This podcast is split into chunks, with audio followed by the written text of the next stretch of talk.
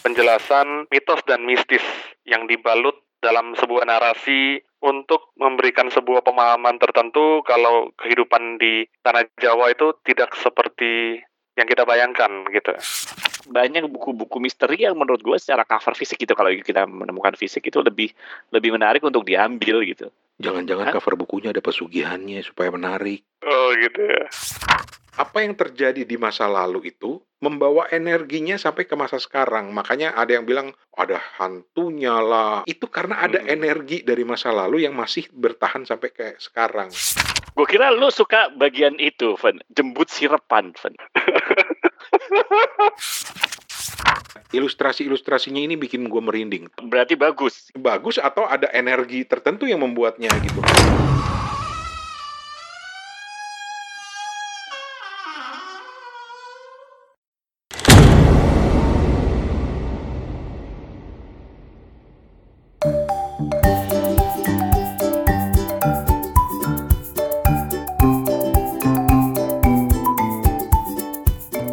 Kita mulai saja. Ini udah direkam ke kepo buku kali ini. Gue sebenarnya agak-agak agak gimana ya gitu. Gue mau edisi kali ini kemarin aja gue udah malas. Sekarang ini lebih malas lagi gue sebetulnya. Tapi ya gimana lagi? Kenapa lu membuat edisi ini males? Iya karena topiknya tetap eh, topik yang eh, kalau orang Inggris bilang not my cup of tea. Gitu. Hmm. Topik-topik yang sebenarnya buat gue kurang ya kurang gue pahamin aja lah. Tapi gue udah janji baca dan gue udah baca sesuai janji gue kemarin dan kita akan bahas kali ini. Bukan begitu, Bung Hertoto Eko di Singapura. Betul sekali, Bung Rani yang ada di Thailand Selatan. Dan tentunya eh, Bung Steven pastinya sudah mempersiapkan eh, buku ini dan membacanya sampai habis ya. Iya, udah sekalian lengkap dari Jogja Hidden Story sama kisah Tanah Jawa. Emang itu satu satu satu seri? Eh, ditulis duluan nih di 2016, lalu orang yang sama nih yang diajak untuk bikin Jogja Hidden Story bikin kisah Tanah Jawa Wow. gitu. Jadi benar-benar mereka mau wawancarai Hari Kurniawan ya atau Om Hao Hmm. yang menjadi praktisi retrokognisi nih yang menjadi tema sentral buku-buku ini nih.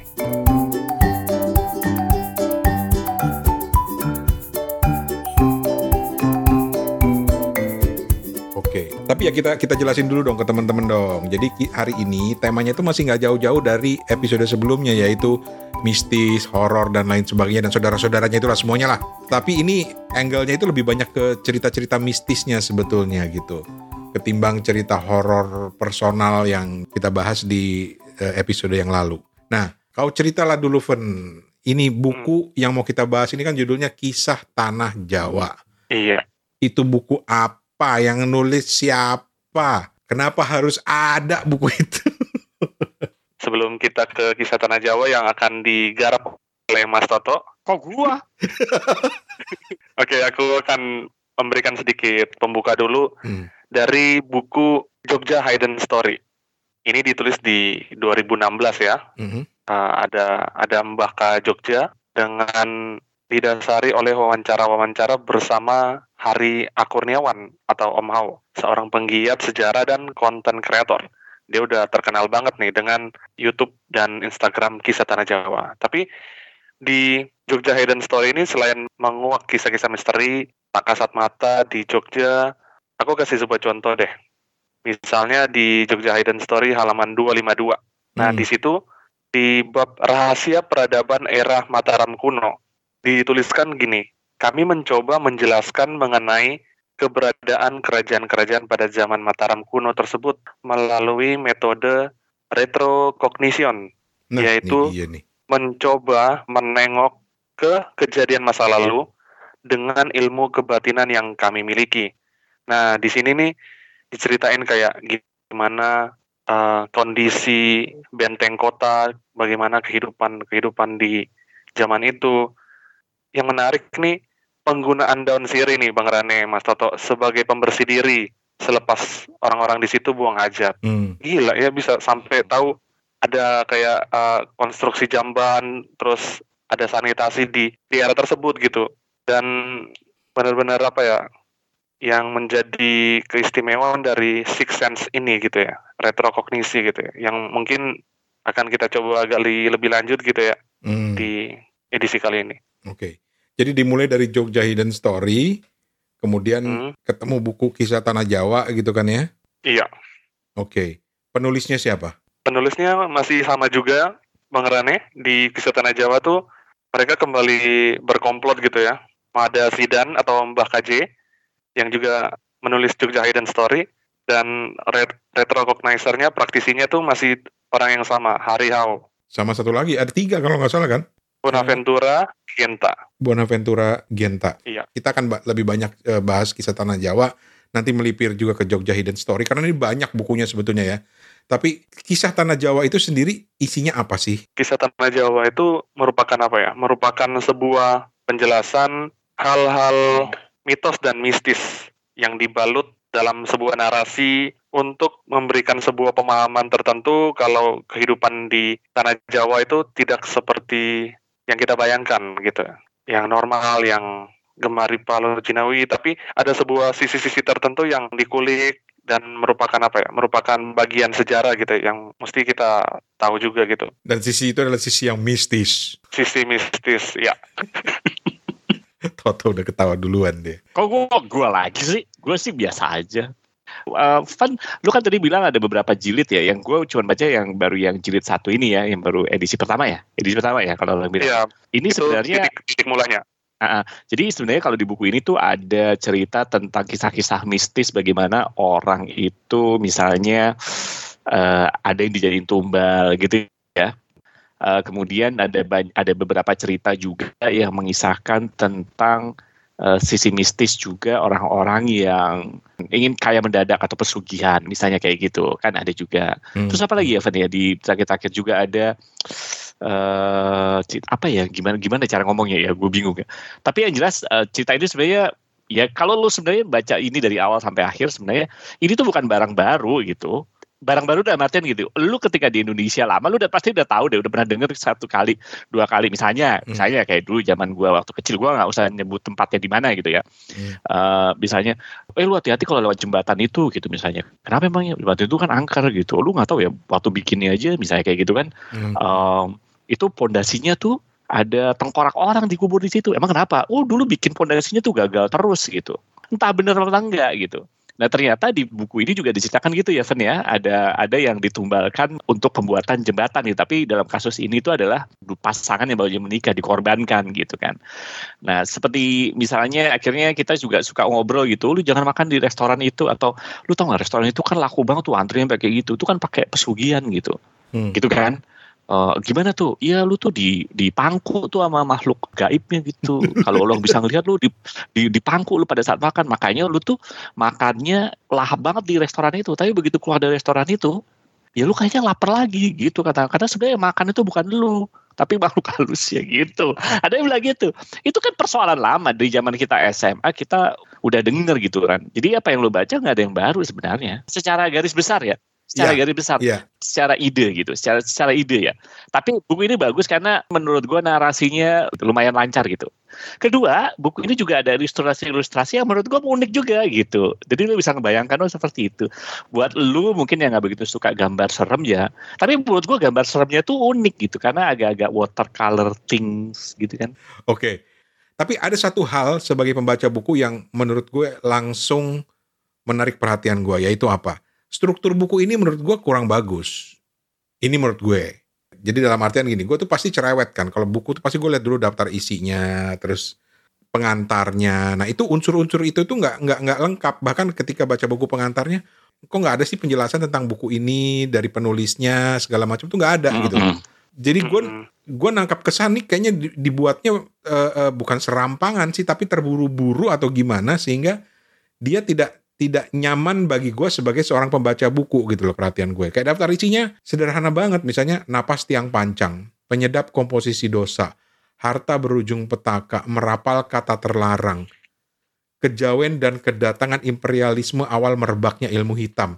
Terus tiba-tiba ada subjudul kejawen terus ada kedatangan imperialisme terus ada renungan ada kumpulan cerita misteri. Buat gue itu kayak bener-bener diambil dari sana sini dikumpulin jadi satu terus mencoba dibikin struktur gitu loh Mm, mm, mm. padahal buat gue misalnya lu masuk dengan napas Hmm. tiang pancang penyedap komposisi dosa harta berujung petaka merapal kata terlarang itu udah bisa jadi satu buku gitu loh. Sementara yang kejawen dan kedatangan imperialisme, imperialisme itu bisa jadi bahasan lain atau paling tidak ada penjelasannya. Nah itu gue nggak temuin sebagai seorang pembaca baru gitu loh. Sayang menurut gue. Terus tiba-tiba di belakangnya ada renungan. Terus tiba-tiba ada kumpulan cerita misteri. Men ini kenapa jadi campur aduk begini? Gue bilang gitu. Tapi ya oke okay lah. Itu itu dari segi gue sebagai seorang penikmat buku. Mm-mm. Sebagai seorang pedagang buku gimana? Lu setuju nggak, Pan? Pedagang buku. Loh, Steven kan sebagai seorang pedagang buku pasti udah banyak baca buku dong. Pasti udah tahu Hmm. dong struktur-struktur buku seperti apa. Lu setuju nggak eh, kalau kalau gue bilang gitu, Van? Ya, saya setuju ya dan ini juga mewakili uh, review-review yang saya temui juga di Goodreads gitu ya. Yang aku tangkap di sini mereka udah ada materi gitu ya. Cuma diperlukan lagi kayak kata pengantar memang yang ada sebenarnya kalau kita lihat di buku Jogja Hidden Story itu mereka kasih kata pengantar satu dua lembar gitu tapi bisa mengantarkan secara mulus gitu pembaca ke bukunya Nah. dan ini yang disayangkan nggak ada di kisah tanah Jawa Iya kan? Ujuk-ujuk aja langsung begini gitu loh jadinya. ujuk-ujuk iya Tuh gue cuma berani ngebahas itunya yang lain silakan lu yang bahas ya. Gini gini, kalau lu melihat buku ini, lu taruh di eh, rak toko buku, apakah orang akan beli gitu? Eh, secara cover kayak gitu. Bahkan banyak buku-buku misteri yang menurut gue secara cover fisik gitu kalau kita menemukan fisik itu lebih lebih menarik untuk diambil gitu. Jangan-jangan Hah? cover bukunya ada pesugihannya supaya menarik. oh gitu ya Loh kalau itu yang terjadi seharusnya gue membeli dong. Emang lu nggak beli? Lah, gue beli gara-gara Steven mau ngebahas. ya Steven berarti pesugihannya di Steven itu. Supaya toko bukunya laku. Lu juga kemakan lu. siapa yang ngasih link Instagram Jogja Hidden Story duluan di grup coba Siapa gue ya? Gue ya. iya Dasar gak bisa. Atau gara-gara setiap kali nyetak, main cetakannya sedikit. Bukan gue yang ngomong Om Hao.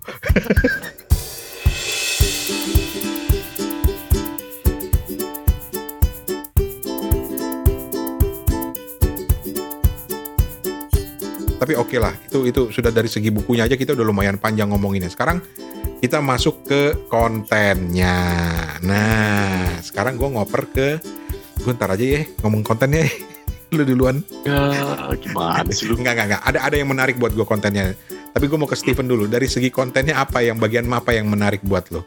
oh yang paling menarik tuh tentu saja retrokognisinya ya Bang Rane Oke. karena Hmm, nyawa dari konten kisah tanah Jawa ini sebenarnya ketika si praktisi ini bisa mengurai apa saja kejadian masa lampau yang akhirnya kita bisa tahu gitu ya dan hmm. mengutip sedikit ya dari wawancara Om Hao dengan Kalis Mardiasi di channel Pares Indonesia punyanya Polgov UGM Hmm. retrokognisi itu bagian dari perjalanan waktu gitu tanda kutip retrokognisi adalah sebuah metode untuk merekonstruksi peristiwa di masa lampau dan menganalisis dampaknya di masa sekarang Oke. Hmm. daya analisis dan observasi nih yang paling paling dibutuhkan oleh seorang praktisi tidak hanya indera keenam tentu ya tapi Hmm. juga ada berkaitan sama statistika ada probabilitas Hah? karena ada data-data yang dikumpulkan dan dielaborasi lagi gitu-gitu ada informasi ada cerita fisik dan metafisik Eh dan. jadi cukup Oke. cukup luas ya sebenarnya ini Jadi kita kita sekarang jadi masuk ke retrokognisinya dulu ya karena itu lebih penting sebetulnya karena itu sa- salah satu eh, nyawa dari buku ini itu kan karena proses retro retrokognisi dan seperti eh, Stephen bilang tadi itu retro- eh, retrokognisi itu juga digabungkan dengan metode-metode lain untuk menulis buku ini dan gue jadi penasaran kan dengan istilah retrokognisi itu karena ya seperti gue bilang di grup WhatsApp eh, kita gue kok nggak agak ragu nggak nggak terlalu nggak terlalu ngerti gitu nggak terlalu setuju dengan ide retrokognisi itu karena menurut gua nggak ada ilmiah ilmiahnya sampai kemudian gue baca beberapa referensi yang bilang bahwa oh ada ya ini ada ilmiahnya juga gitu. Bagaimana? Bisa nggak sih dibilang kayak kayak kayak kita tuh sedang melakukan perjalanan ke masa lalu gitu ya retrokognisi itu ya Betul. Gini gini, ada bintang yang jaraknya sekian ribu tahun cahaya itu deket banget gitu kan, Hmm. atau satu juta tahun cahaya. Hmm. Kan selalu gitu kan, itu mengukur jarak kita dan uh, bintang itu gitu kan. Hmm. Uh, karena saking jauhnya gitu kita pakai pakai satuannya tahun cahaya. Padahal cahaya itu berjalan itu 300 berapa 300 juta ya. Uh, per detiknya itu 300 juta apa Van? Uh, uh, jaraknya cahaya. gitu kan. Tahun cahaya gitu uh, jaraknya segitu gitu. Nah, berarti kan lo bisa bayangin ya kalau ada bintang yang jaraknya dibilang satu juta tahun cahaya. Berarti cahaya yang saat ini kita lihat itu kan sebenarnya terjadi di satu juta tahun yang lalu. Benar nggak? Hmm. Kan baru nyampe ke mata kita sekarang. Padahal jaraknya satu juta tahun cahaya. Berarti cahaya yang kita lihat itu begitu. Kalau ada bintang meledak di sana dan kita tahu ledakan itu eh, berjarak satu juta tahun cahaya, itu nggak terjadi sekarang. Itu terjadi satu juta tahun yang lalu sebenarnya. Pinter lu tuh ya. Itu kan cuma masalah logika aja. Baru nyampe gitu. Kalau ibaratnya kan lu da- lu lu dapat lu dapat surat dari pacar lu. Eh gue mau putus, Hmm. misalnya kayak gitu. Dan lu tahu surat itu baru datang ke lu dua minggu. Berarti kan pacar lu minta putus sebenarnya dua minggu yang lalu. Gitu aja kan logikanya. Ya, tapi kan kemudian proses kembali ke belakangnya itu kan yang buat gue nggak bisa gue terima dengan logika gitu loh. Tapi logis gak kalau gue bilang kalau suatu saat nanti kita bisa mengejar cahaya yang dipantulkan dan akhirnya kita bisa tangkap kan akhirnya bisa gitu. Gila, gue gak nyangka lo Toto sepinter ini lo. Lah, Terus terus terus terus. Ya gitu kan. Tapi apakah kita bisa mengejar cahaya yang karena nggak ada kecepatan cahaya yang bisa karena nggak ada kecepatan yang bisa melebihi kecepatan cahaya. Tapi anggaplah ada gitu kan. Berarti kita bisa ngejar cahaya yang dulu dipantulkan. Ya itu bisa gitu melihat ke belakang dengan cara seperti itu. Makanya menurut gua mesin waktu mungkin bisa tapi bukan dalam artian gua akhirnya datang ke masa lalu akhirnya ngubah masa depan. Itu sih persoalan lain yang berbeda ya. Walaupun Hmm. mungkin gitu secara fisika kuantum kali gitu. Cuman kalau ternyata lu berada di sana sebagai hologram melihat apa yang terjadi enak banget gitu ya. Artinya lu mengejar gitu cahaya yang pernah dipantulkan akhirnya lu bisa lihat oh ternyata Indonesia tahun 1895 kayak begini ya gitu. Ya udah lu lu orang-orang akan tak berlalu lalang juga nabrak lu segala macam tapi kan itu cuma cuma pantulan cahaya seakan-akan lu ada di film aja gitu udah gak sih mas Teguh? kan gitu Oke, sebenarnya Oke. Nah, jadi kalau menurut gua, jadi kalau secara logika, apakah retrocognition ini mungkin ya? Menurut gua mungkin kalau ada orang yang bisa sampai melihat pantulan-pantulan berikut-berikutnya. Nah, cuman bagaimana teknologinya, bagaimana, Nah, ya, nah itu itu itu yang harus di ini. Tapi kalau menurut gua sih ilmiah. oke. Hmm. Jadi gini, teman-teman yang belum baca, ini kan kisah tanah Jawa ini banyak berisi tentang kisah-kisah eh, apa ya? Bukan legenda sih, kisah-kisah mitos Mis- bang mitos atau mistis yang terjadi sekarang banyak ditemui sekarang tapi itu efek dari apa yang pernah terjadi di masa lalu Hmm. gitu. Jadi misalnya nih contohnya nih, misalnya kalau di di bab yang dia cerita tentang bentar, gue buka dulu misalnya. Misalnya dia dia dia di bab tentang eh, eh, napas tiang pancang misalnya. Dia kan cerita misalnya eh, misteri di balik stasiun Tugu Jogja gitu kan yang menurut dia itu ketika belum dibangun ada sesuatu yang terjadi segala macam sehingga itu membawa kisah-kisah mistis sampai ke sekarang gitu. Itu itu logik logikanya jadi seperti itu nggak sih? Karena kalau memang itu seperti itu, pakai ceritanya Toto tadi itu masuk akal. Tinggal ya ini karena gue nggak pernah puas dengan eh, eh, penjelasan sampai gue bisa terima dengan akal gue. Tinggal bagaimana sekarang masalahnya proses retrokognisinya itu gimana gitu loh. karena gini, karena gue nemuin misalnya dulu di tahun 19 Oke, oke. 19 sekian gitu ya, itu pernah ada kok proses untuk jadi ada ada orang yang menulis tentang kisah salah satu ratu di zaman Eropa dulu itu juga dia pakai proses retrokognisi jadi dia melihat me- menerawang ke masa lalu untuk melihat sebenarnya kisahnya seperti apa akarnya seperti apa nah yang lebih Mm-mm. buat gue le- lebih logis lagi ternyata itu juga dipakai banyak sama polisi gitu loh jadi kalau ada Hmm. peristiwa-peristiwa ini, ini di, di Wikipedia-nya misalnya di- ditulis begini dan gue juga pernah nemu ada link yang juga mengaitkan itu jadi misalnya ada kasus pembunuhan Mm-mm. gitu ternyata ada polisi yang juga meman- me- menyewa seorang retrocognizer Mm-mm. untuk kembali ke masa lalu untuk melihat apa yang sebenarnya terjadi di masa lalu gitu. Walaupun Hmm. kemudian secara ilmiah tidak bisa dibuktikan, tidak bisa dijadikan bukti-bukti di pengadilan, tetapi paling nggak itu membantu polisi untuk melakukan pelacakan gitu loh. Mm-mm. Itu kan itu kan menarik gitu loh. Nah, itu kemudian yang terjadi di buku ini gitu. Dalam proses tersebut dan si Om Hao, ini siapa nama aslinya, Van? Hari A Kurniawan Hari Kurniawan itu kan seorang seorang praktisi atau seorang ahli retrokognisi. Mm. Kalau gue malah ngelihatnya, nih maaf ya, jadi kayak dukun gitu loh. Mm. Kalau lu mau misalnya lu mau beli rumah, tolong diliatin dulu. Tolong liatin rumah ini bersih nggak? Itu sebenarnya yang diliatin bukan cuma apakah ada penunggunya dalam tanda kutip, tapi apa yang pernah terjadi di rumah ini gitu loh. Terus kalau pernah terjadi terus kenapa juga? Karena apa yang pernah terjadi itu, nah kalau ini gue percaya nih, karena di salah satu rujukan itu, sebenarnya seorang retrocognizer itu, ini di salah satu yang gue baca ya, dia itu kan sebenarnya percaya bahwa apa yang terjadi di masa lalu itu membawa energinya sampai ke masa sekarang. Makanya ada yang bilang ada hantunya lah atau apa furniture geser-geser sendiri lah segala macam itu karena ada hmm. energi dari masa lalu yang masih bertahan sampai kayak sekarang. Kalau gue sih menafsirkannya seperti itu gitu. Itu yang dimaksud Bang Rane itu yang aku nonton wawancara-wawancara Om Hawe ya, itu hmm. dibilang sebagai residu energi. Residu energi, betul. Iya. Yang masih nyisa sampai sekarang gitu ya. Iya. Dan itu yang ditangkap dan di apa ya diterima oleh panca indera si praktisinya itu. Oke. Jadi sebenarnya kalau pakai logikanya Toto tadi tidak sepenuhnya dia kembali ke masa lalu kali ya Tok ya?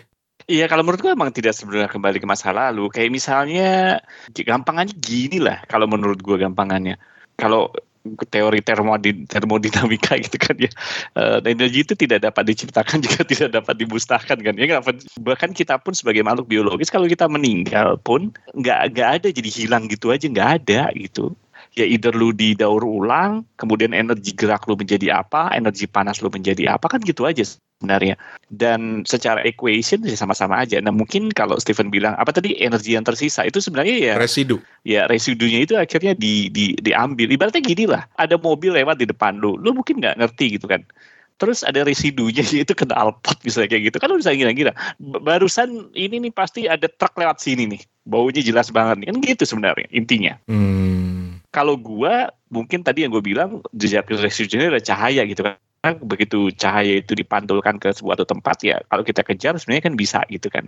Misalnya kayak gitu. Tapi ya mungkin akhirnya yang yang Stephen bilang jejak residu ini mungkin akhirnya ya itu. Kalau residunya seperti ini ya kira-kira yang terjadi ini gitu. Jadi mungkin kalau menurut gue gambaran jelasnya mungkin nggak ada. Tapi menurut gue gue setuju sama lu.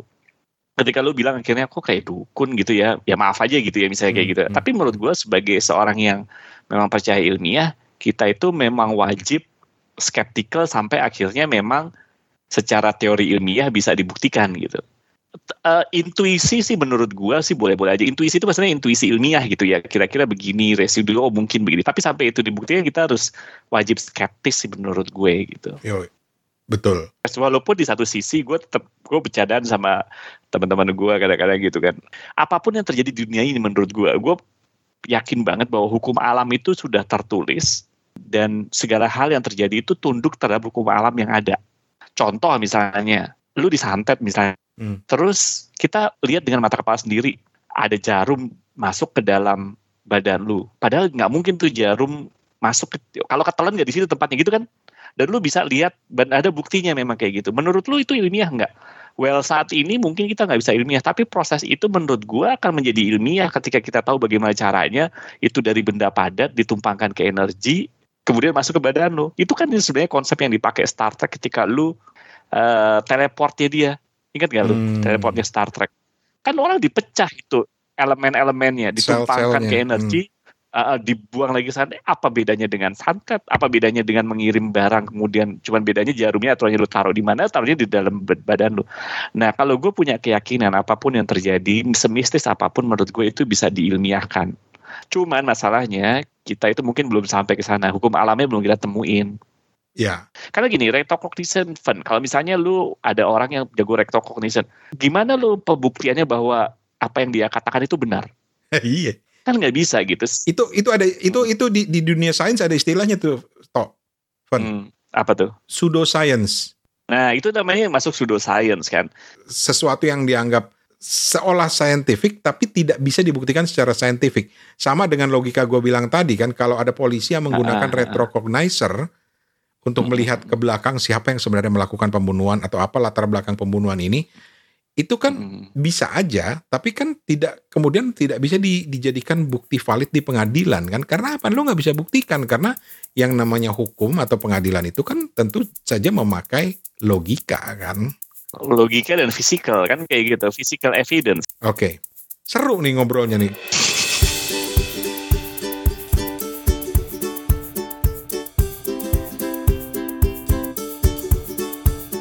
Sekarang kita masuk ke bagian terakhir yaitu dari situ. Kan kita, kita udah ceritain bukunya kita udah ceritain metodologinya dalam tanda kutip yaitu pakai retrokognisi sehingga bisa tahu oh di stasiun Tugu Jogja dulu pernah ada ini oh ini pernah ada ini gitu kan ya. Dan itu semuanya warisan-warisan dari masa lalu yang kadang-kadang nggak bisa dipahami sekarang. Nah sekarang kita masuk ke kontennya. Cerita yang mana yang menurut lo menarik dan mungkin nanti kita bisa kasih gambaran ke teman-teman yang yang pengen tahu karena seperti Toto bilang tadi dan gue setuju ini tulisannya bagus banget sih deskriptif banget gitu loh Hampir semuanya bagus ya. Karena ini buat aku kayak menambah sebuah informasi gitu ya. Gue kira lu suka bagian itu, Van. Jembut sirepan, Van. Telet ya. Eh, eh. yang paling out of, out of the box ya, seperti yang ditulis ya. Ini adalah ajian sakti mandraguna yang bisa dibilang cukup langka Dan out of the dan, box. dan out of, out of Nah, the gue box. pilih ini karena out of the box, Van. Gak tau lu. Pada saat gue baca ini ya, jembut sirepan, gue nggak nggak mikir jembut dalam artian bulu kemaluan loh. Paling gue apa gitu kan. Pas gue baca, oh iya, di sini ada apa nih out of the box. Terus gue baca lagi, oh jembut yang artinya bulu kemaluan. Dan sirepan artinya hipnotis. Jadi ini jembut yang menghipnotis. tapi ini menarik ini nih ya gue bacain dikit ya gue bacain dikit ya bagian itu ya Hmm, silakan. Eh, jembut sirepan ini adalah ajian sakti mandraguna yang bisa dibilang cukup langka dan out of the box tapi memang nyata adanya pada suatu masa pahami dulu sejarahnya itu menarik karena dia melihatnya dari segi sejarahnya Sebelum kita menertawakan. sebelum kita menertawakan nama dari ajian ini berarti Toto udah ketawa duluan gitu kan. Dia bilang gitu, jembut yang artinya bulu kemaluan dan sirpan yang artinya hipnotis. Ini adalah ilmu pelet yang menggunakan media bulu kemaluan untuk menghipnotis lawan jenis. gue sering dengar cerita ini sebenarnya, tapi gue nggak pernah tahu namanya itu gitu. Nah kan, itu kan. Oh gitu. Dia bilang gini, filo- filosofi, filosofi dasarnya sederhana, Ini science, ini science. Pseudo science, pseudo pseudo science. science. Jadi dia menjelaskan dengan dengan filosofi dasar loh. Menggunakan media tadi agar cintanya selalu tumbuh seperti halnya bulu kemaluan meskipun dicukur akan terus tumbuh. Itu filosofinya, men. Dan yang menarik ini, umumnya pelet ini digunakan para pelakor dan pekerja seks komersial untuk kepentingan pribadi Hmm. seperti meminta uang atau semacamnya. Intinya jika pelet itu sudah digunakan oleh pelaku, sang korban akan menuruti semua kehendak gitu loh. Jadi nih prosesnya begini. Nanti nanti Van lu juga baca bagian favorit lu ya Van ya. Gue sih gara-gara ini jadi inget ini jadi jadi inget Toto nih padahal bukan bagian ini yang favorit gue. Sampai ditulis gini loh.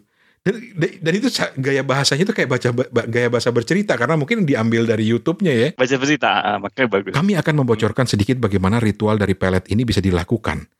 Jadi si pelaku diharuskan membawa tujuh, tujuh, Harus tujuh. Nggak boleh delapan juga. nggak boleh delapan, nggak boleh tujuh setengah.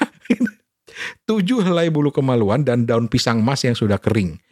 Kebanyakan disertakan mahar sebutir telur ayam kampung.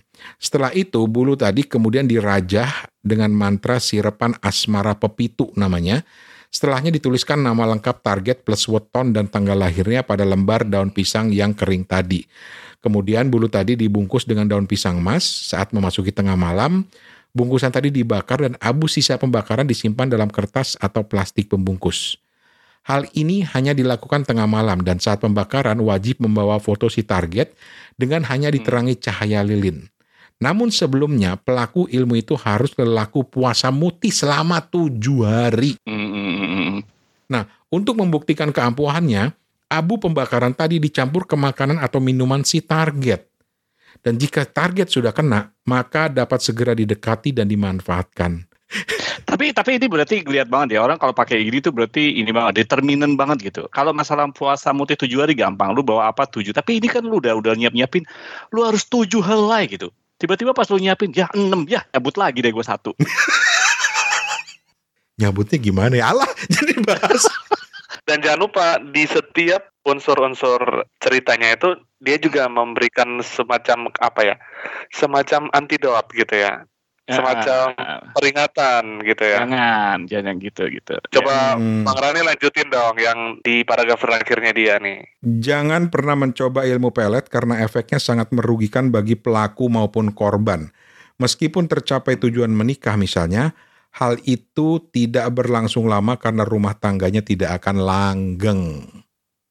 Hmm. Jadi di satu sisi mereka, mereka cerita betapa gampangnya lu untuk mendekati seseorang dengan ilmu ini, tapi juga di sisi lain dia juga menjelaskan bahwa lu nggak boleh dong sembarangan gitu loh. Yang natural-natural aja lah. Cari Betul, pacar betul. itu deketin gitu kan, dirayu kayak kayak gitu gitu, jangan dipelet. Karena gue inget zaman dulu eh, ada satu cerita pelet yang populer di zaman waktu gue masih SMP SMA dulu, yaitu pakai cabe. Oh iya iya gue tahu tuh, gue tahu tuh, gue tahu tuh. cabai rawit. Jadi cabai rawit itu lu gosok-gosok dengan tangan Mm-mm, dengan mm-mm, jari ujung telunjuk dan jempol, mm-mm. lu gosok-gosok gitu kan sambil ngebayangin orang yang lu suka gitu. Mm-mm, mm-mm. Dan ketika ketika udah digosok kan lama-lama panas tuh terus pencet, Mm-mm, pecah.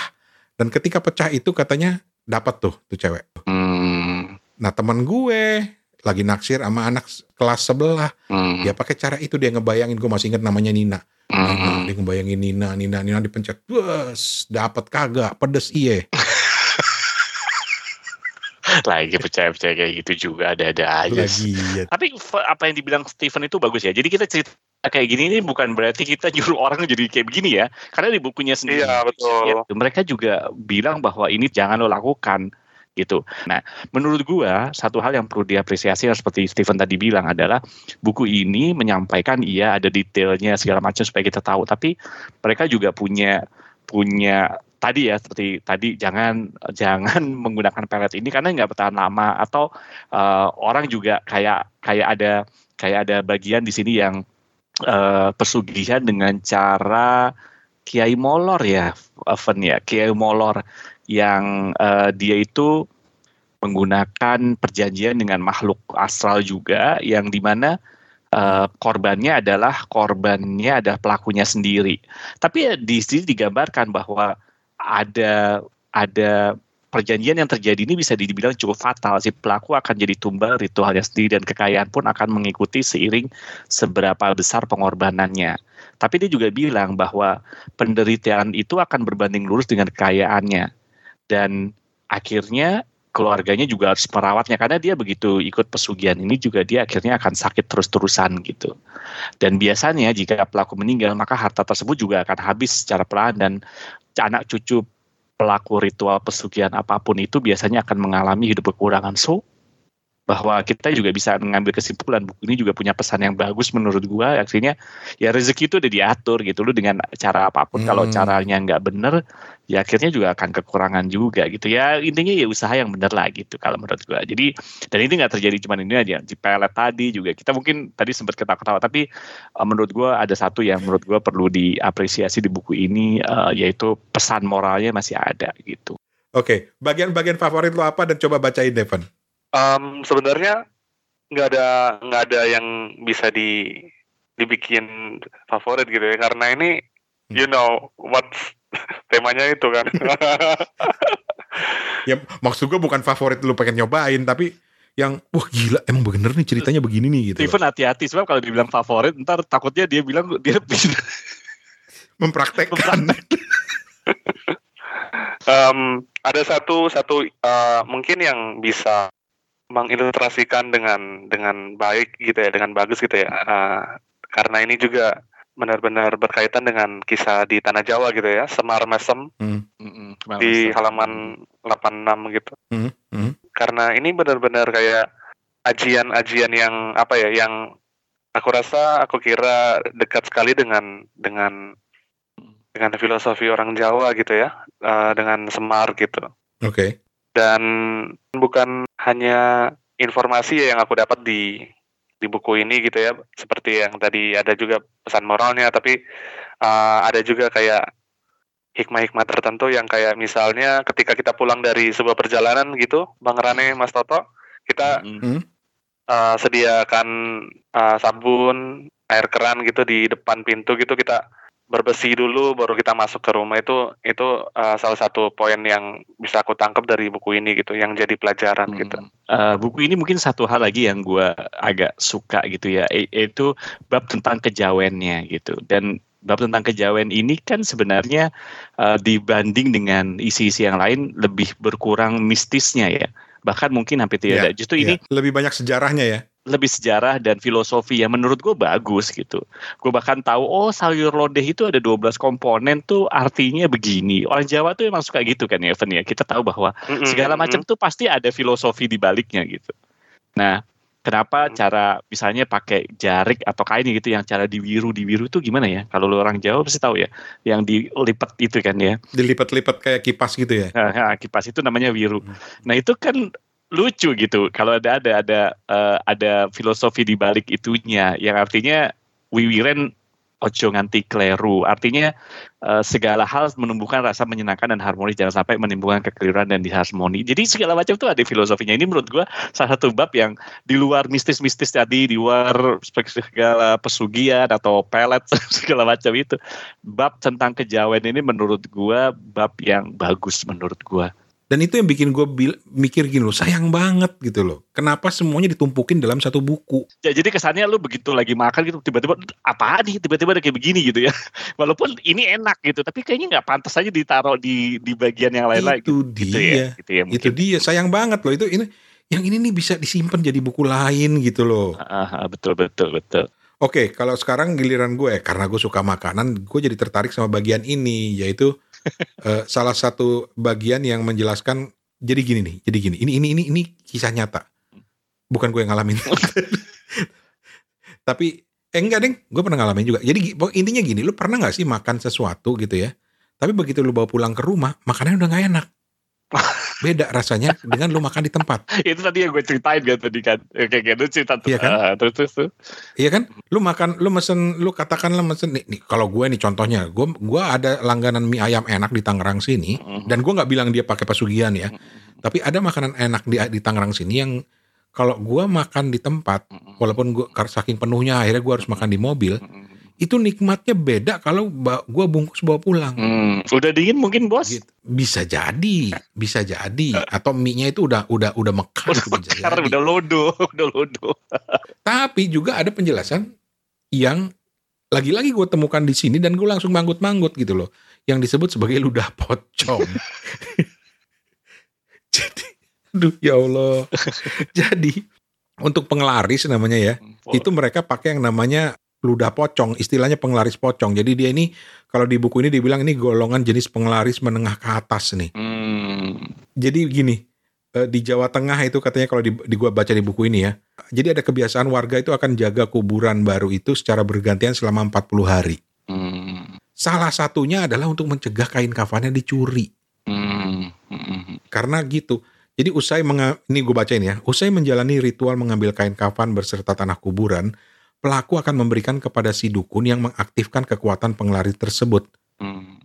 Tanah kuburan dan kain kafan siap digunakan dan tanah kuburan disebarkan di sekitar tempat usaha, Hmm. sedangkan kain kafan disimpan dan digunakan setiap hari untuk direndam pada kuah masakan serta air, air minum yang disajikan kepada para pembeli. Dan yang ada ilustrasinya, jujur gue bilang ya, ilustrasi-ilustrasinya ini bikin gue merinding. Kalau bikin merinding berarti berarti bagus gitu kan? Bagus atau ada energi tertentu yang membuatnya gitu. Karena ada loh orang yang mengga- loh serius, Oh. ada orang yang menggambar dengan energi tertentu gitu loh sehingga Oh, ini- benar-benar di- jadi mungkin realistis. ilmiahnya adalah mengeluarkan frekuensi-frekuensi seperti suara yang kemarin di episode yang lalu kita ngomong dengan eh, Mr. Popo ya yang ada suara Ah. yang nah mungkin gambar juga begitu ada ada komposisi garis ditambah warna ditambah tekstur apa apa jadi menimbulkan gimana gitu bisa jadi kan bisa jadi. Hmm. Nah, ilustrasi yang soal eh, ludah pocong ini buat gue ketawa, bikin gue ketawa karena apa? Yaitu ada orang lagi makan di meja makan gitu lukisannya, terus di sebelah dia ada pocong berdiri lagi ngeludah gitu. jadi makanya enak makanannya Makanya enak gini. tapi sekarang kan udah nggak ada lagi ya Ada, Nggak- ada. Itu masih ada. nggak ada kan pakai masker Setan. Jadi dia bilang gini, memang ada orang yang mudah terpengaruh gitu ya, tapi ada juga yang peka. Eh, apalagi orang yang punya sense atau mata indera indera apa penglihatan mata ketiga, itu dia akan melihat wujud makanan itu penuh belatung serta berbau busuk dan rasanya itu bikin mual. Hmm. Nah, ini berpengaruh ketika makanan dibungkus atau dibawa pulang karena pocong tidak akan bisa meludah sehingga rasanya tidak akan senikmat ketika dimakan di tempat. Kalau gimana gimana se- se- sehingga dia nggak bisa meludah itu gimana? Ah. Jadi katanya logikanya setelah lu ritual itu Ah. nanti pada di, di tempat makan itu akan ada pocong yang nggak terlihat ah, ah. yang ketika lu lagi makan dia akan ngeludah ke makanan Oke lu. oke. Nah tadi yang pocongnya nggak bisa ngeludah karena apa tadi? Kalau lu bawa pulang. Oh oke oke oke oke. Tapi mungkin kita Dan mungkin kita perlu Makanan yang dibawa pulang itu cenderung tidak bertahan lama uh, dan akan terasa berair. Ini diibaratkan dengan tanah kuburan yang lembab. Buset deh gila beneran deh.